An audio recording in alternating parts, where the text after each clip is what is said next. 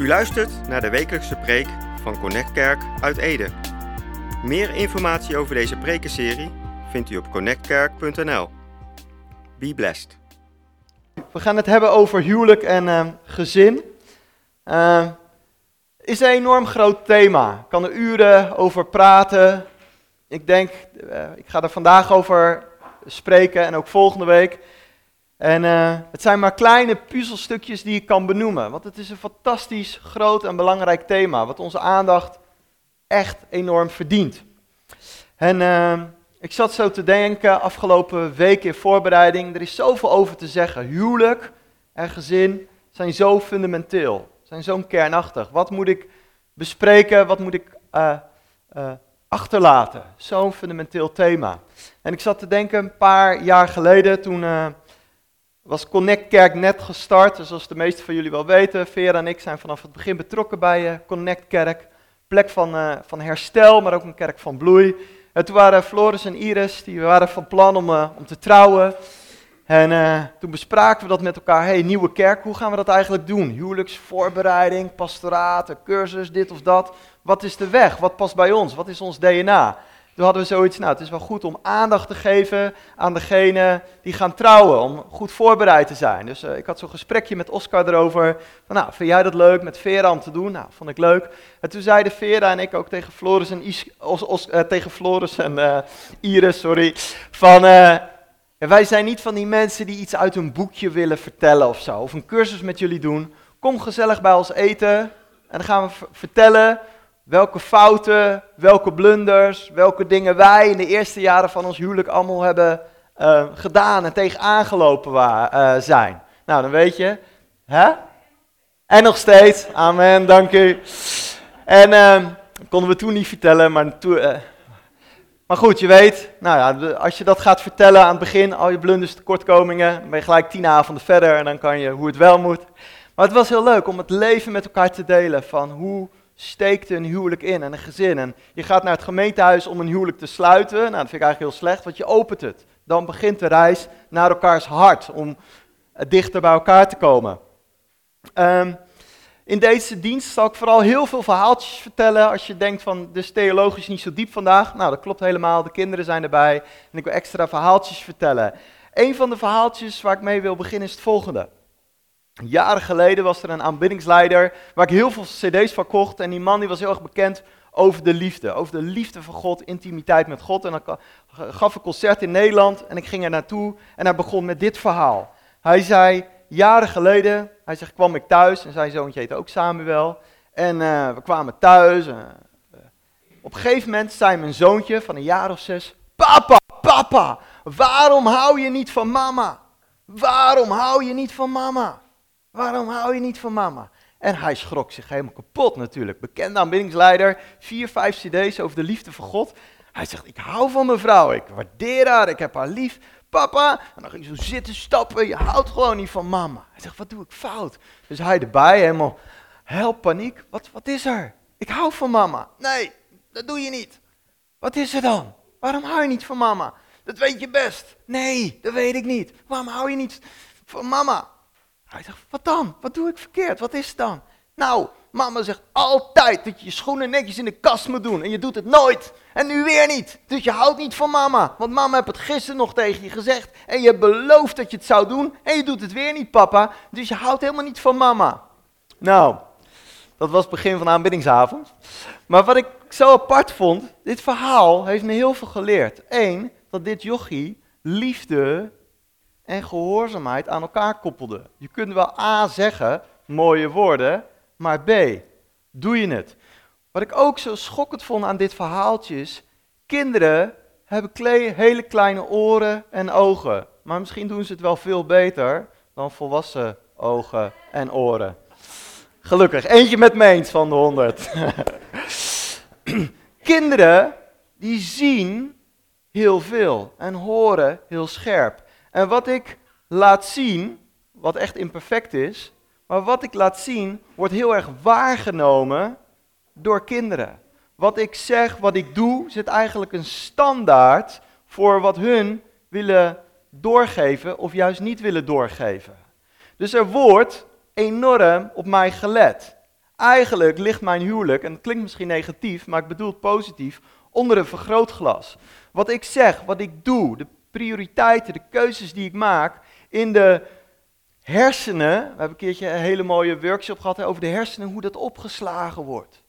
Voor later. En dan kun je twee reacties krijgen als kind. Want kinderen die hebben een, die nemen heel veel dingen waar, maar de conclusies zijn soms niet heel uh, uh, genuanceerd. Dus ze kunnen hebben, ik ga dit helemaal anders doen dan pa en ma. Of van, hé, hey, wat pa en ma doen, is eigenlijk best wel handig. Dat wil ik ook, daarmee wil ik doorgaan. En ik geloof ook dat het mooiste cadeau wat je je kind kan geven, geloof ik echt, is het voorbeeld, het leven van een gezonde, van een gezond huwelijk. Ik kan natuurlijk geld geven, ik kan materie geven. Het mooiste wat ik kan geven aan Samuel en Meert is, hoe laat ik het zien, hoe ik mijn vrouw eer, waardeer, hoe wij met conflicten omgaan. Want dat zet de standaard voor later. En uh, laatste jaren zit ik ook te denken van, wat is nou mijn belangrijkste relatie die ik heb? En natuurlijk mijn belangrijkste relatie is mijn relatie met God. Maar mijn allerbelangrijkste menselijke relatie is met Vera, mijn vrouw. De relatie die ik heb met mijn kinderen op dit moment is natuurlijk super belangrijk. Staat echt super hoog op mijn prio-lijst. Maar ik weet ook dat het zeg maar zo hoog is op een tijdelijke basis. Wat ik bedoel, dat ik hoop dat ik natuurlijk nog altijd later in de top 10 of top 20 ga staan van, van belangrijkste relatie die Mirte of Samuel heeft. Maar ik hoop niet dat ik over 20 jaar nog steeds de belangrijkste persoon ben in het leven van Mirte en Samuel. Wel een van de belangrijkste, maar ik hoop dat hun partner, hun hartsvrienden, dichter bij hun zijn dan ik. Ik denk dat het gezond is. Maar op dit moment ben ik heel belangrijk. En die periode is tot ongeveer, weet ik het, 14, 15 jaar. En dan wordt die navelstreng, streng, sorry, uh, elke keer wordt het doorgeknipt. Het wordt steeds, komt daar die proces van afscheid. De relatie die ik met Vera heb, die gaat door. Ik hoop nog heel lang. Dus dat is kostbaar, dat is waardevol. En we hebben denk ik wel geleerd als, uh, als, als mensen hoe belangrijk het is om te investeren in kinderen. Maar het is ook zo belangrijk om te blijven investeren in je partner. En dat is een hele uitdaging, drukte van werk, van kerk, van andere dingen. Maar dat je niet op een gegeven moment, dan ben je alle twee, alle twee 60 en dan denk je van, oh ja, jij was die collega van de kinderopvang 20 jaar, maar wie ben jij nou eigenlijk? Nee, dat je in die periode dicht bij elkaar blijft. En uh, ongeveer een half jaar of een jaar geleden hebben Vera en ik uh, weer eens een huwelijkscursus gedaan. Niet dat ons huwelijk zozeer slecht is, maar omdat ik altijd geloof, het is altijd goed om aangescherpt te worden, om verbeterd te worden, om, om, om, om dieper te gaan. En dan, ik ben soms gewoon trots en eigenwijs en dan, komt Vera met dat idee en denk ik van, joh, ik ben zelf hulpverlener, ik lees genoeg boeken over huwelijk en wie heeft mij wat te zeggen, misschien een beetje mannelijk. En uh, oké, zeg maar Veer, wat moet ik verbeteren, dat scheelt cursusgeld, vertel maar, wat, wat, waar moet ik aan werken. Maar als je weer zo'n cursus doet en het ging over hechting en, en emotionele verbinding, het is gewoon goed. Het is gewoon goed. En voor de mannen, als je auto rijdt en je ziet de lampjes branden, dan denk je van, hé, hey, er is wat aan de hand ik moet even naar de garage. En als je blijft doorrijden, dan ben je vaak te laat. Nou, hoe is het met huwelijk? Als de lampjes gaan branden, denk je dan, ik kachel wel door en we zien wel? Nee, het is goed om in te grijpen, om te kijken wat je nodig hebt. Een, een, een heel bijzonder mooi voorbeeld, uh, wat ik zelf heb meegemaakt, was iets van tien jaar geleden. Ik heb nog vanuit mijn studententijd een, een, een mannengroepje en één keer in de zoveel tijd ontmoeten we elkaar.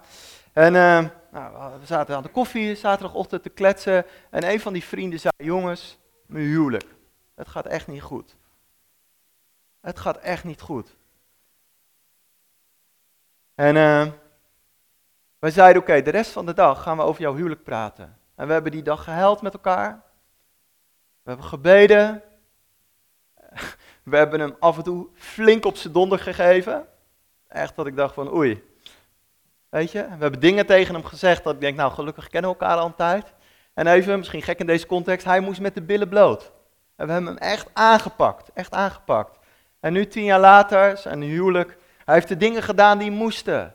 Therapie gezocht, gesprekken gezocht, dingen vergeven, dingen uitgesproken, nieuwe prioriteiten. En nu bloeiend huwelijk, bloeiend gezin. Niet perfect, maar ze gaan ervoor. Heb ik zoveel waardering voor. Had de kop in het zand kunnen doen, had de andere kant op kunnen kijken.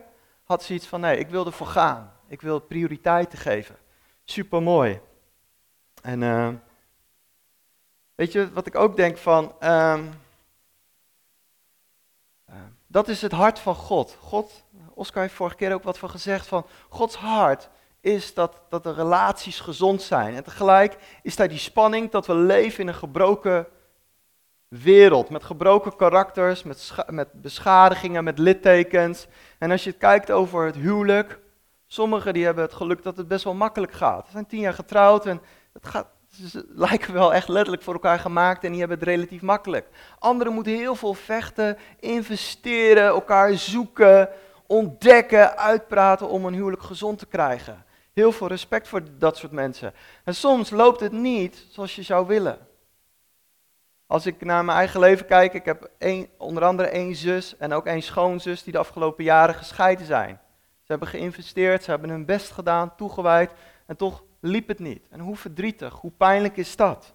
Het, het dat ik denk van ja, ik heb er geen oplossing voor, eh, gewoon heel verdrietig. Soms kun je beter dan niks zeggen en dan gewoon er zijn voor die persoon. Hetzelfde is voor alleenstaanden. Dat vind ik ook als we het hebben over huwelijk en gezin zo'n moeilijk onderwerp. Alleenstaande of uh, uh, mensen die weduwe zijn. Daar is de mysterie, dingen die ik niet snap, dingen die ik niet begrijp, die conflict hebben met wat je denkt. Maar wat ik wel geloof is dat alleenstaanden super kostbaar zijn en super belangrijk. In de Bijbel zegt God ook van, ik plaats de alleenstaande in een huisgezin. Ik geloof dat is de opdracht voor de gemeente. En ook dat God zegt van, van ik ben bij die mensen. God is een God van de weduwe, van de wezen, van de alleenstaande, van de gescheidenen. God is daarvoor.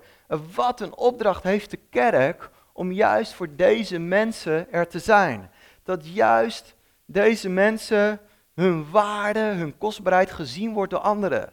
En ik weet nog wel, toen ik aan het begin van mijn huwelijk stond, heb ik echt God gesmeekt. God, ik wil een gezond huwelijk. Ik wil een gezond huwelijk met vrucht, met leven. Niet alleen dat Vera en ik en eventueel kids happy, uh, happy zijn met elkaar, maar dat we mensen kunnen zijn die er voor anderen kunnen zijn. Een open huis, een open gezin. En als ons huwelijk helemaal, even plat gezet, shit is, dan moeten we heel veel met elkaar bezig zijn en kunnen we niet voor andere mensen zijn. En dat is uw hart, dat de eenzamen bij ons kunnen logeren, wat af en toe gebeurt, of bij ons aansluiten met het eten. Dat is Gods hart.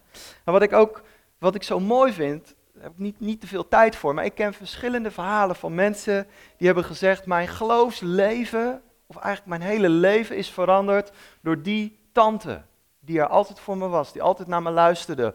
Of ik had zoveel geloofsvragen en bij mijn eigen ouders kon ik niet meer terecht. Want ja, de ouders, als je 14, 15 bent, die zijn vervelend, die zijn een beetje lastig natuurlijk.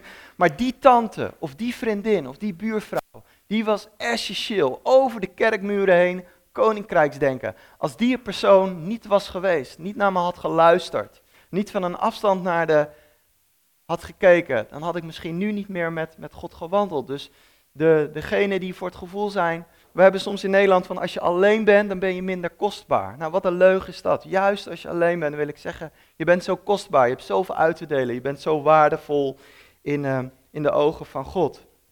Ik wil kijken naar een Bijbeltekst die uh, eh, super mooi is. Staat in Genesis. Vorige week uh, refereerde Oscar er ook al aan. Er staat: De Heere nu zei tegen Abraham: Ga Gaat u uit uw land en uit uw familiekring en uit het huis van uw vader naar het land dat ik u zal wijzen. Ik zal u tot een groot volk maken, uw zegen en uw naam groot maken, en u zult een zegen zijn. Ik zal zegenen wie u zegenen, en wie u vervloekt zal ik vervloeken. En in u, in u zullen alle geslachten van de aardbodem gezegend worden. Even kijken of we de Engelse vertaling nog hebben. Ja, and I will bless them, them that they bless thee, and curse him with the curses thee, and I shall all families of the earth be blessed. Het gaat me om dat woordje families. In het Nederlands hebben we dat vertaald met uh, geslacht. Maar als je kijkt in de Strongs, dan staat daar vanuit de grondtekst het woordje, kan het ook niet goed uitspreken, spreken, mishpagach. Als je kijkt, de eerste vertaling die Strongs daarvoor gebruikt, is eigenlijk stam. En daarna zegt hij als tweede volk, als derde zegt hij familie en als vierde volk.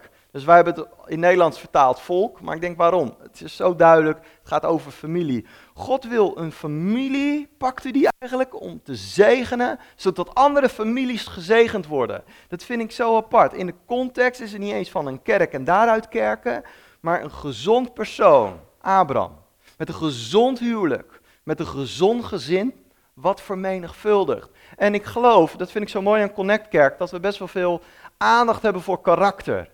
En ik denk gezonde karakters zijn nodig voor gezonde huwelijken.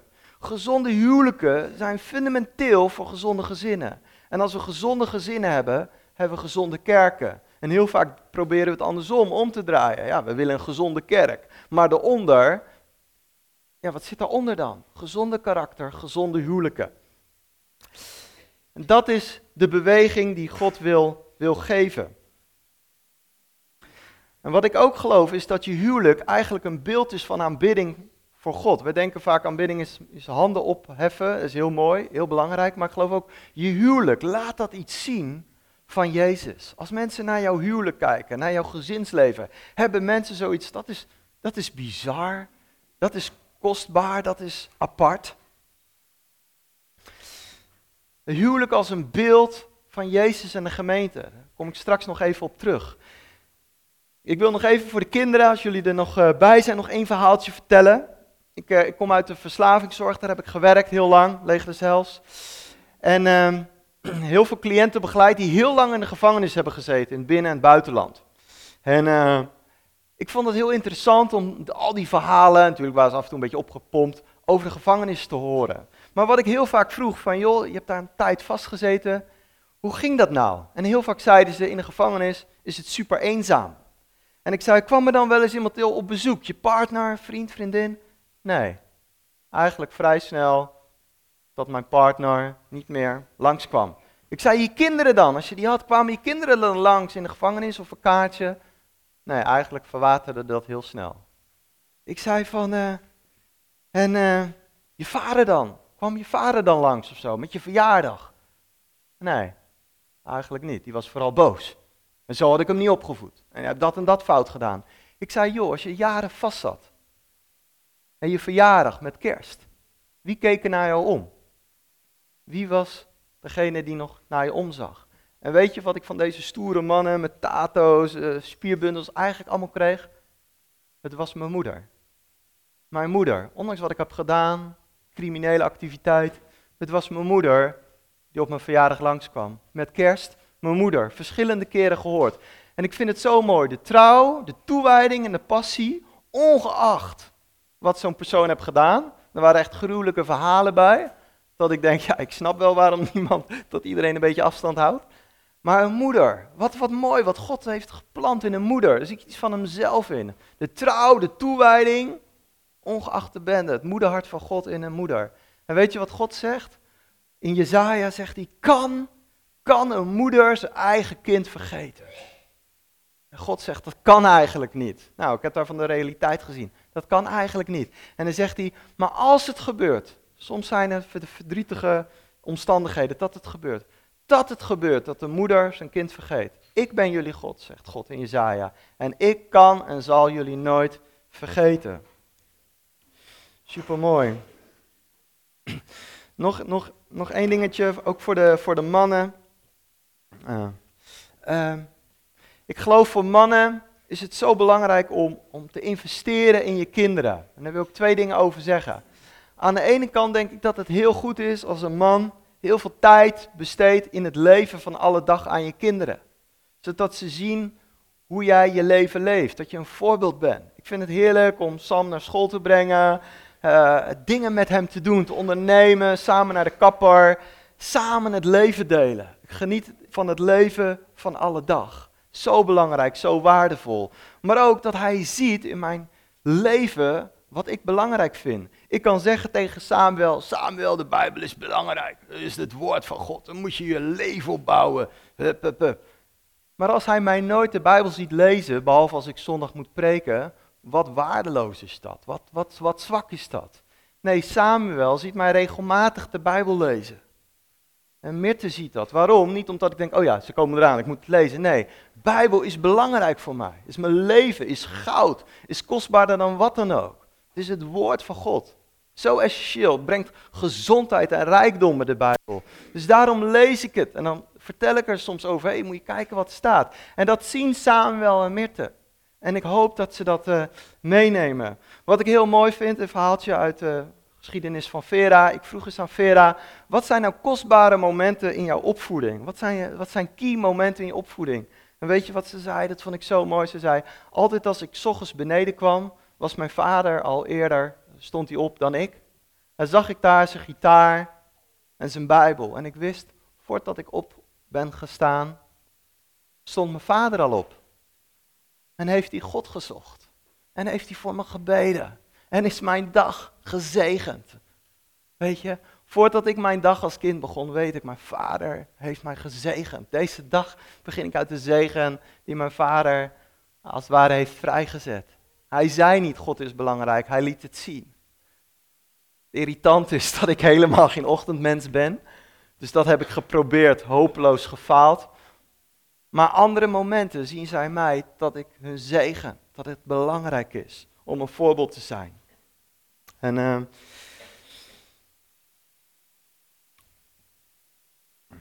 wat, wat ik ook zo geloof is dat het zo kostbaar is om te investeren één op één met je kinderen. Natuurlijk, dat is niet het afkopen. Dat kan ook gebeuren. Hè? Dat eigenlijk ouders zo druk zijn en het leven bijna niet delen met hun kinderen. En dan één keer per jaar een of andere trip maken om het goed te maken. Nou, je kan het niet afkopen. Ik denk het is beide. En het leven delen van alle dag en bijzondere speciale momenten. Ik geniet daar enorm van. Ik geniet enorm van één op één momenten. En uh, uh, precies, dankjewel. Wat een teamwork, joh, fantastisch. Wat ik zo leuk vind aan mijn kinderen is dat ze sportief zijn en ik ook. Dit is een foto in onze vakantieperiode in Slovenië. Heb ik een dagje alleen met Mirte, de hoogste berg, of een van de hoogste bergen.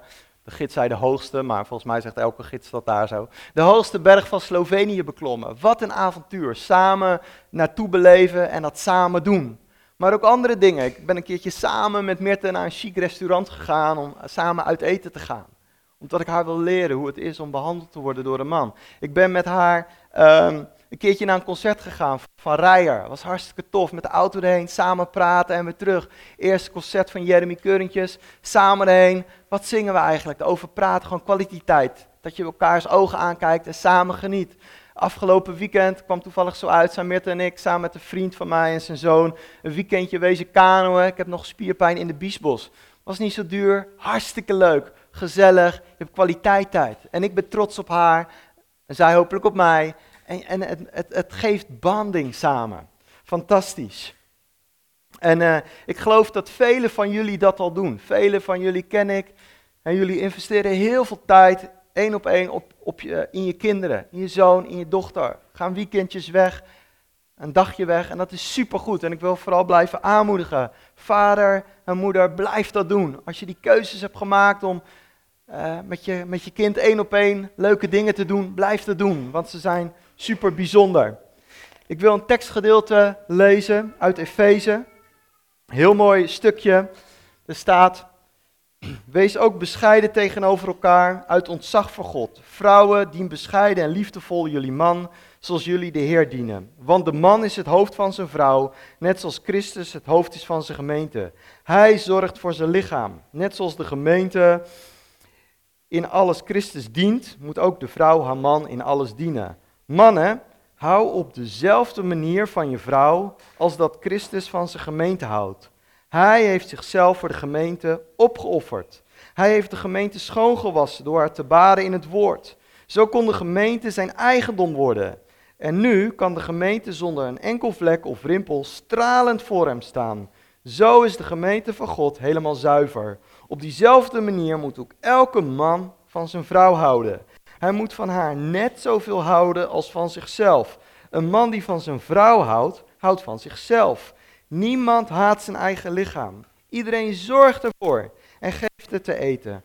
Hetzelfde doet ook Christus voor zijn gemeente, want wij zijn de lichaamsdelen van zijn lichaam. Er staat in de boeken, Oude Testament, dat een man en zijn vrouw samen één zijn. nog een keer, dat een man en zijn vrouw samen één zijn. Daarom zal een man weggaan bij zijn vader en moeder en van zijn vrouw houden en trouw zijn aan haar. Vanaf dat moment zijn ze één geheel. Dat heeft een diepe verborgen betekenis. Ik zeg jullie dat het hier gaat over de eenheid van Christus en zijn gemeente. De mannen moeten dus net zoveel van hun vrouw houden als van zichzelf. En de vrouwen moeten respect hebben voor hun man. Dit heb ik niet bedacht, hè? dit is het woord van God. Dus uh, dat is mooi. Dit is het woord van God. Super mooi. Heel mooi gedeelte. Ik wil je aanmoedigen in de connectgroep of in je gezin. Lees het eens. Praat er eens met elkaar over. Stel elkaar vragen. Ik wil vijf punten daarover over, uh, uitpikken. Wat ik zo mooi vind is dat het huwelijk een beeld is van Jezus en zijn gemeente. Dus het is de bedoeling als je getrouwd bent dat het iets laat zien, iets fantastisch over het huwelijk die Jezus heeft met zijn bruid. We weten dat de kerk begint met een huwelijk, of dat, dat God met mensheid begon met een huwelijk en dat het eindigt in openbaringen met een huwelijk. Jouw huwelijk is bedoeld om een, uh, om een spiegel te zijn, om een reflectie te zijn, om een uitdrukking te zijn van Jezus en de gemeente. Wat ik heel mooi vond, jaren geleden zei iemand een keertje dit. Hij werkte in het computerleven en hij had het vaak over zijn vrouw. Zelfs nadat hij jaren getrouwd was, vertelde hij nog heel veel over zijn vrouw en, en leuk. En toen zei een collega tegen hem, wat bijzonder dat jij zo positief over je vrouw praat. Sommige mensen zeggen dat, dat ze van hun vrouw of vriendin houden, maar, maar bij jou, ik geloof het gewoon bij jou. Hij zei, ja, maar doe ik ook mijn best voor, want ik vind het heel belangrijk. Hij zegt, ja, waarom vind je dat dan zo belangrijk? Hij, en toen zei hij, nou het is niet alleen omdat ik haar wil eren, maar ook geloof ik dat ik verantwoording heb af te leggen naar God toe over mijn huwelijk. We hebben ons huwelijk, wordt, dat klinkt misschien een beetje gek, maar uh, God ziet het en God heeft er een mening over. We kennen allemaal, denk ik, die Bijbeltekst van uh, elke knie zal zich buigen voor de Heer Jezus. Die tekst kennen we. Maar daarvoor en daarna staat dat wij uh, verantwoordelijk zijn voor de daden die we hebben. Dus we kunnen niet zeg maar losleven en dat alles valt onder genade. Nee, onze relaties, onze ouder-kindrelaties, onze partnerrelaties, we hebben daar echt een verantwoordelijkheid op ten, ten opzichte van God. Het is belangrijk voor Hem. Het wordt in zekere zin geëvalueerd. Niet met een vingertje, maar wel van, heb je wat voor mij belangrijk was, zegt God, heb je dat ook waarde gegeven? Heb je dat ook gewicht gegeven? Dus één, het huwelijk is een beeld. Twee, het huwelijk is, betekent een diepe verbondenheid. Het is niet alleen onder één dak wonen. En, uh, nee, het is diepe harmonie, diepe intimiteit, diepe verbondenheid. Derde wat mij opvalt is hier dat er staat hoofd. De man is het hoofd. En vaak hebben we gedacht, de man moet baas spelen. Nou, dat is het niet. Hoofd, vanuit de grondtekst staat er letterlijk bron, staat de voorziener, staat de verantwoordelijke. Jezus zegt over zichzelf, ik ben het hoofd. Speelde hij de baas over de gemeente? Nee. Er is geen enkel hoofd geweest die zo diende de voeten als Jezus. Tegelijk nam hij wel richting, voelde hij zich wel verantwoordelijk, nam hij wel leiding. Zei, dit is goed en dit is kwaad. Als wij als mannen een hoofd willen zijn van ons gezin, dan is het goed om veel te kijken naar Jezus. Wat betekent het om hoofd te zijn? Als vierde punt, vind ik zo apart, Paulus schrijft dit naar getrouwde stellen, dit, dit gedeelte. En toch is daar elke keer die oproep tot liefde. Dat ik denk, hé hey, Paulus joh, die man en vrouw zijn al getrouwd. Waar moet je nou elke keer zeggen? Maar blijkbaar is het nodig. Ik heb het ook nodig om elke keer te zeggen, hou van je vrouw, heb je vrouw lief, dien elkaar, help elkaar. Dus Paulus weet dat als mensen snel afgeleid zijn en zwak zijn en kwetsbaar. En elke keer weer die oproep, blijf gaan voor je huwelijk, blijf daarvoor gaan. En een vijfde is, wees elkaar, onderdanig, wees elkaar nederig, wees bescheiden. En uh, wat ik een heel bijzonder verhaaltje vind is, er was ooit een bijbelleraar die bekend stond om zijn krachtige huwelijk en zijn krachtige bediening. En uh, er was een andere bijbelleraar die vroeg een keertje aan hem, hoe komt het nou dat jij zo gigantisch druk bent, zoveel verantwoordelijkheid, maar dat ik zie dat jouw huwelijk zo bloeit en groeit en zo fantastisch is, hoe kan dat nou? En toen zei hij, nou natuurlijk komt dat omdat we echt van elkaar houden. Maar weet je wat het grootste geheim is? Weet je wat het grootste geheim is van een huwelijk vol, vol bloei en groei? Hij zegt, omdat wij alle twee, zowel de man als de vrouw, diep ontzag hebben voor God. Ons leven is alle twee diep ontzag voor God. Het is niet dat God ons assistentje is die er een beetje bijhuppelt als derde touw van ons huwelijk. Oh ja, drie koorden, ja ik en mijn vrouw. Oh ja, een goddraadje. Nee, God is het centrum. God is het middelpunt. En we zijn onderworpen aan het woord van God. En aan hoe de, hoe de Heilige Geest ons daarin leidt. En ik denk van, een gouden sleutel van duizend kilo goud is, wees onderworpen aan God. Luister naar Hem, zorg voor die intieme relatie, want het kan niet anders dan een diep effect hebben op je huwelijk. Nog, uh, nog twee verhaaltjes om af te sluiten. Oh, ik loop heel erg uit. Eén verhaaltje. Um, tijdje geleden zat ik op YouTube een uh, filmpje te kijken van een, uh, van een bekende evangelist in Amsterdam. Deed hij allemaal wonderen en tekenen. Samen met een, met een vriend van mij, Reinier van Wijbem. Hij had al alles verklapt een jaar van tevoren, maar ik wou toch even kijken in die film. Dus ik zat zo te kijken en Samuel die zag dat en uh, klom op uh, schoot en die zei, hey pap, wat kijk je? Ik zeg, nou er is een man die ook heel veel van God houdt en die is in, uh, in Amsterdam bij Renier en die vertelt heel veel mensen over Jezus en hij geneest ook heel veel mensen. Wauw, zei hij. Dus we zaten samen zo te kijken. Ik zeg, mooi hè, wat de Heilige Geest kan doen. Fantastisch, ja. En toen zei hij, hey, papa, doe jij dat dan ook wel eens? Mensen genezen zo. En in heel mijn hart wou ik schreeuwen, ja, als jij op bed ligt, ga ik naar de Albert Heijn en uh, Gelderse Vallei en heel die toko leeg in de naam van Jezus. Nee, Sam, ik, dat doe ik niet nog. Ik wil dat. Ik wil dat mensen over Jezus horen. Af en toe deel ik wat uit en bid ik voor mensen. Het is zo mooi om samen te kijken. Maar wat ik wel heel vaak doe, dat is een paar jaar geleden met, met, met Samuel uh, zo een beetje ontstaan. Maar eerst eigenlijk bij mezelf. Ik, heb heel lang werkte ik in de, in de verslavingszorg in Ede. En ik ken nog heel veel oude cliënten daarvan. Die kom ik af en toe nog wel eens tegen. Een tijdje geleden in de winkel. En schreeuwt ze heel hard. Hé hey, Kors, zo wat ben je oud en lelijk geworden jongen.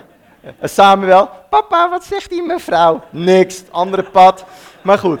Maar... Um, uh, ik kom die gasten ook in de zomer vaak tegen en als ik ze ken maak ik een praatje en soms zeg ik wel eens, hey, zullen we even samen een ijsje eten? Soms doe ik dat één op één, even bijkletsen. Maar soms is het dat ik met Samuel boodschappen doe en dat ik zo'n cliënt tegenkom. En dan zeg ik wel eens van, hey Sam, of Mirte, of Vera, van hey, zullen we even een ijsje doen? En dan nodig ik zo'n cliënt uit om samen een ijsje te doen en kletsen we weer even bij. En soms is het dat ik tegen Samuel zei, jongen, we gaan vandaag even geen ijsje halen, klaar. En dan hoopt hij natuurlijk dat ik een oud cliënt tegenkom, want dan weet hij, dan krijg we ijsje. Maar nu is het zelfs zo, dat vind ik heel leuk, dat als we, dat, we, dat ik zeg, joh, we gaan naar de ijssalon, dat hij al kijkt op het plein van, hé, hey, is er een bekende van papa die we ook een ijsje kunnen geven? En hij zegt, kijk daar. Nou, dan gaat hij naartoe van, eh, ijsje, nou, weten we het alweer, chocola en vanille. En dan delen we dat uit. Dat genezen in de naam van Jezus, dat, ja, dat lukt mij, of dat gaat nog niet zo goed. Maar dit is wat ik wel kan. Liefde uitdelen en zo'n persoon aandacht geven. En dat doe ik dan met Samuel. En zo grappig, Samuel die pas gewoon uitdelen. we stonden bij die balie en die cliënt die durfde daar niet naar binnen. Hij ritste dat ijsje. Alsjeblieft, een ijsje, weet je, hartstikke mooi. Toen zei ik nog, we kunnen een bolletje van jou minder, dan kunnen we een bolletje voor hem meer. Maar dat deed hij nog niet. Maar goed. Maar daarin je kind ook betrekken in missie. Je kind betrekken in uitdelen. We leven niet alleen van wij zoveel mogelijk ijs. Nee, wij wat minder, hun wat meer. Weet je, dat zien ze als voorbeeld. Supermooi. Ik wil, uh, wil afronden. En misschien dat je zegt van ik merk dat mijn huwelijk, mijn gezin, eigenlijk Jezus niet meer op die centrale plek staat. Dat hij een beetje een soort reservewiel of aan de achterkant. Of ik vind het lastig of ik vind het moeilijk om, om Jezus centraal te hebben. Misschien is het een tijd gelukt dat je dacht van, ja, ons huwelijk en gezin was gefocust op God, maar de laatste jaren is het misschien wat minder. Of misschien dat je zegt van, ik wil opnieuw die keuze maken, om opnieuw die keuze te maken van, ik wil gaan voor, voor mijn partner, of ik wil gaan voor die uh, alleenstaande in mijn omgeving, om die te helpen, om die te zegenen, om uit te nodigen. En dan wil ik echt zeggen van, we willen voor je bidden, wat het ook is. Misschien, zoals ik al zei, heb je zoiets van, ik wil versterkt, verfrist worden in mijn huwelijk. Misschien dat je zegt van, hé, hey, ik merk dat ons huwelijk best goed is en gezond en krachtig, gezegend. Maar dat je merkt, hé, hey, we kunnen best wel wat meer voor iemand anders betekenen. Misschien heb je daarin gebed nodig, een zegen nodig dat willen we, willen we, willen we doen. Ik wil vragen of het gebedsteam uh, naar voren komt. En ook als je alleenstaand bent en dat je denkt van ja, die Kors, die heeft makkelijk praten. Die heeft een, uh, een leuke vrouw, twee uh, leuke kids. Maar voor mij is het lastig. Voor mij is het moeilijk. Voor mij is het zwaar. Wil ik echt zeggen, het is lastig. Het is moeilijk. We willen voor je bidden. En ook als gemeente, als je getrouwd bent, reflecteer op jezelf. Kun jij binnen je connectgroep misschien in het nieuwe jaar een extra stap maken, een extra gastvrijheid naar deze mensen? Het is wel leuk als wij als getrouwde gezinnen het leuk hebben met elkaar, maar we zijn, zijn ook fantastische alleenstaanden die we ook liefde en aandacht willen geven. En die ons ook zoveel te geven hebben natuurlijk.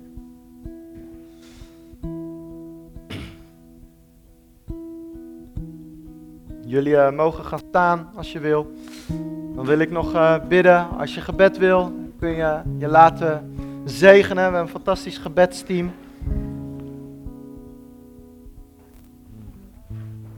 Ik wil voor jullie bidden en dan geef ik het over aan uh, Oscar en team. Vader, ik wil u danken dat u onze vader bent.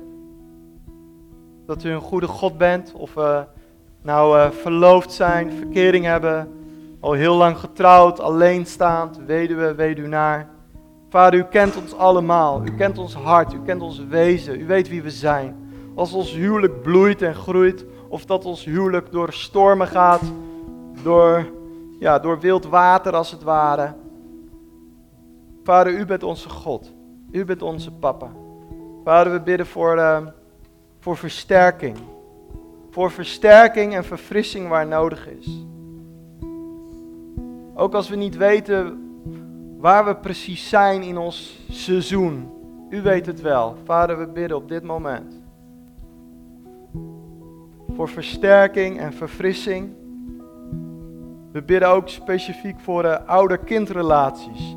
Misschien ben je een ouder en zeg je van nou, ik heb verschillende kinderen, maar met eentje is het best wel lastig en moeilijk. En misschien heb je daarin fouten gemaakt of is het lastig. Vader, we bidden specifiek in die oude kindrelatie voor een doorbraak, voor een wonder, voor iets van de hemel. We bidden ook van kind- en kindrelatie. Het is uh, als je in een gezin opgroeit met broertjes, zusjes of broer en zus.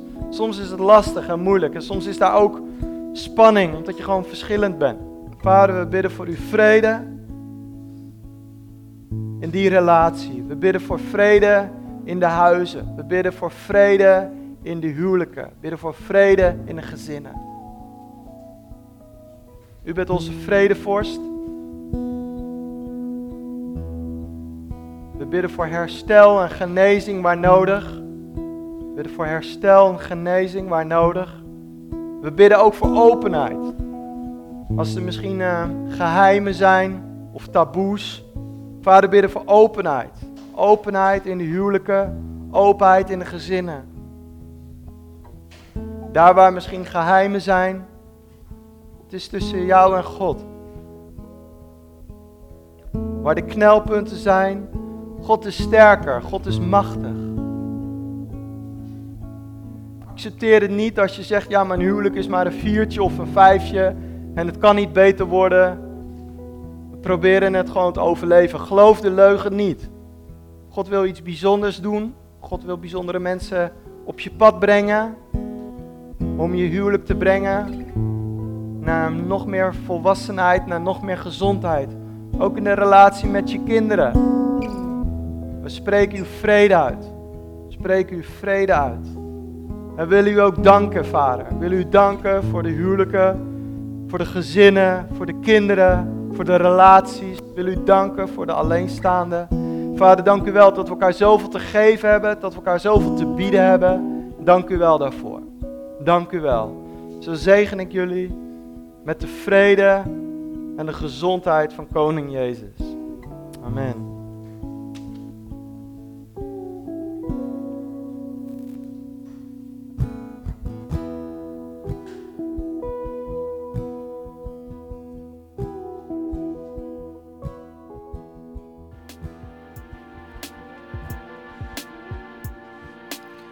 U luisterde naar de wekelijkse preek van Connect Kerk uit Ede. Meer informatie over deze gemeente en alle preken over dit thema vindt u op connectkerk.nl of bezoek onze Facebookpagina. Bedankt voor het luisteren en wees tot zegen.